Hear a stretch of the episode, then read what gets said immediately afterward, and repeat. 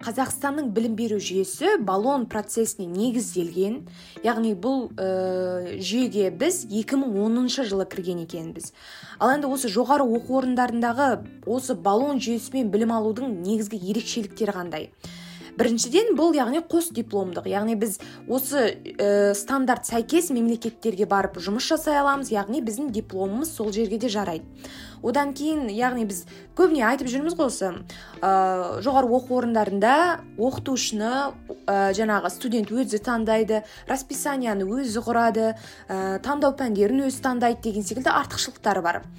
Ә, ал енді осы баллон процесінің біз білмейтін кемшіліктері көп екен. Негізі мен осыған дейін түсінбейтінмін. Яғни біз баллон процесінде оқып жатырмыз деп айтылады. Ә, бірақ кейбір жоғары оқу орындарында әлі нақты енгізілмеген. Әлі енгізілсе де ә, тұрақтанбаған баллон процесінің негізгі кемшілік, кемшіліктері деп мысалы мен бір ә, екі дерек көзді талқылап айтқым келіп тұр. Мысалы егемен қазақстан газетінде жарияланған дандай ысқақұлының мынандай материалы бар яғни баллон болашағымызға балда шауып жатқан жоқ па дейді. Ә, бұл мақалада не жазылған? Дандай ысқақұлы бұл профессор былтыр бізде бірінші курста ә, сабақ берген абай ілімінен ә, ал енді айта кетсек жалпы бұл процесс біздің ұлттық білім жүйемізге ұлттық тәрбиемізге негізі әсер етеді екен. Яғни бұл еуропалық стандарттарға сәйкестендіреді. Қарапайым мысалы біз қазақ тілі мен әдебиет пәнін алып қарасақ оның сағаттары қысқарыпты. Және ә, олар яғни сағаттар қысқарғанмен қоймай бір біріне қосылып яғни жүйелі түрде білім беруге ә, кесірін тигізген. Мысалы бұрында тарихтан да білеміз ғой әліпби енгізіліп сауат ашу енгізіліп біресе қазақ тілі бөлініп шығып қазақ әдебиетімен бірігіп ана тілі деп осындай тұрақсыздықтарға әкелді. Бұл бір минусы деп айтсақ болады. Және 2010 жылы қазақстан бұл процесті қабылдағанда дейді ешқандай дайын болмады дейді. Яғни біздің кеңестік білім беру жүйеден әлі толық ажырамаған күйде баллон процесінің бізге берерін оның жалпы артықшылықтарын түсінбеген күйде біз осыны қабылдап кеткен екенбіз. Тағы бір айта кететіні бұл студенттерден бөлек оқытушыларға. Ә, ол көбіне оқытушының біліктілігіне жалпы сауатына білім беру әдісіне тәсіліне көбірек мән бермейді. Тек осы ағылшын тілінде жазған материалдарына. Сонымен қатар ә, белгілі бір тесттер бар. Соларды тапсыру деңгейіне қарап бағалайды дейді оқытушыларды. Ә, тағы да бір ә, дереккөз мысалы абай kz ә, ақпарат порталына жарияланған марат байділдәұлының мақала, мақаласы бар. Бұл жерде бүйтіп айтады. Яғни басқа осы еуропа елдері жалпы америка алып қарасақ оларда 12 жылдық білім беру екен. Ал бізде әлі 11 жылдық. Яғни басым көпшілігі 11 жылдық біліммен аяқтайды. Оқушылар. Және осы кезеңде жаңағы жоғары оқу орнындағы бұл процеске енгізілгенде ә, сәл сәйкессіздіктер байқалады. Яғни олар 12 жылдық біліммен келеді ал бізде 11 жылдық. Яғни осындай бір ә, арасында шикіліктер бар байқалады екен. Медиа сауаттылық пәнінен айтып отырмын дәрісінен. Серік жұмабекұлы сабақ береді. Сол кезде бізге серік жұмабекұлы дәрісте былай сұрақ қойды. Баллон процесі туралы не білесіңдер дегенде біздің білетініміз азын аулақ екен. Біз өзіміздің құқықтарымызды жалпы білмейді екенбіз. Бұл процеске байланысты мүмкіншіліктерімізді соны байқадық. Ә, осындай біз білмейтін тұстар көп екен соны айтқым келді.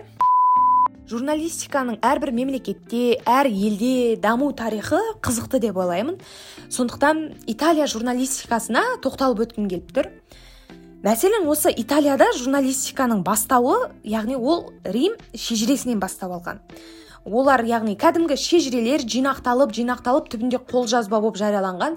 Және ол белгілі бір ақпараттардан тұратын журнал жылдық бір газет тігінділері секілді жинақталған ақпарат көздері бар. Яғни олардың ең алғашқы мерзімді баспасы деп акта публика деп аталатын ә, басылымдарын айта аламыз. Және ең алғашқы цезардың жарлығымен 300 құл көшіріп жазған ә, таралымы 10 мың дана болған олардың жаңағы осындай басылымдарын айта аламыз. Яғни ол жерде қалай таралған? Жаңағы барлығын қолмен жазып көшіріліп таралған. Мысалы осы италияның өзін алып қарасақ ә, жаңағы газет журналдардың таралымы бойынша еуропада үшінші орында екен. Оның өзі үлкен жетістік деп ойлаймын және мен осы италия тарихын оқи отырып салыстырып көрдім. Қазақстандағы журналистиканы яғни тарихымен мәселен италиядағы баспаханалық ә, ең алғашқы ашылып ең алғашқы баспадан шыққан газет мысалы цицеронның арнауы деп аталады. Ал бұл 1468 жылы жарыққа шыққан баспаханадан ал бізде елімізде бұл уақытта өздеріңіз білесіздер ең алғаш қазақ хандығының құрылып аяққа тұру кезеңі сонда қаншама уақыт арасында бізде айырмашылық байқалатынын көруге болады. Және жалпы италиядағы алғашқы мерзімді басылымдар негізі саясатқа мәселелерге араласпады дейді. Мысалы қарапайым кафе деген бір журналын алып қарасақ ол кофейня яғни тақырыбы басқа бір, белгілі бір салаға байланысты. Мысалы спортқа байланысты тағысын тағы тақырыптармен шығып отқан. Ал біздегі керісінше мысалы түркістан уәлаятының газеті дала уәлаятының газеті бұл тікелей жаңағы саяси жарлықтарының қазақшаланған нұсқасы яғни саясатқа тікелей байланысты. Ішкі сыртқы саясатқа байланысты басылымдар болғанын атап көрсете аламыз.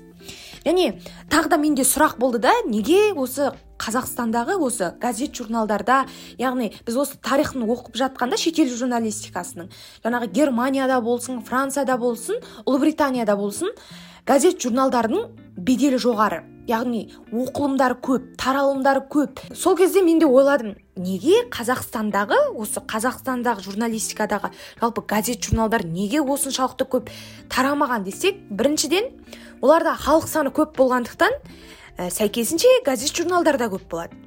Және олардың жер көлемі кішкентай болғандықтан сәйкесінше олардың таралуы жылдам болады. Мысалы қарапайым қазақстанда алып қарасақ яғни біз енді әлемдік аренада жер көлемі бойынша тоғызыншы орынды аламыз. Яғни ол енді бұрынғы тілмен айтқанда алты айлық жол ат, ат шаптырым. Яғни бір жерден бір жерге жету бір жерден бір жерге газет таратудың өзі қаншама күн екенін айтып енді ойша түсінуге де болады да. Қарапайым қазірдің өзінде мысалы алматыда шыққан газет мысалы бізде мысалы мен жамбыл облысында тұрғанмын ғой сол жерге жету үшін мысалы газет мысалы ұлан газетін айтайықшы екі күннен кейін келеді. Поштамен болсын енді белгілі бір себептермен болсын. Тап осындай таралуы қазіргі 21 ғасырда осындай кезде енді түсінуге болады деп ойлаймын. 18 он тоғызыншы ғасырдағы газет журналдардың таралу аймағының және оны ә, алу мөлшерінің төмендігін.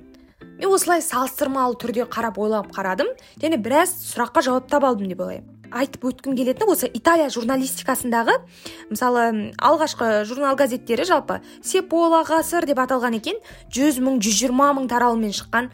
Оларда көбіне газеттердің оқылымы қырық бір бүтін оннан бір пайызды құраса журналдардың оқылымы алпыс тоғыз бүтін оннан бес пайызды құраған екен. Осындай бір ерекшеліктері бар екен. Шалқар радиосындағы сұңқар радио студиясының жаңа маусымы басталды. Ә, шығармашылық топтарға бөлінгенбіз. Осылайша өзіміздің ә, келесі шығарылымдарды дайындауға кірісіп кеттік.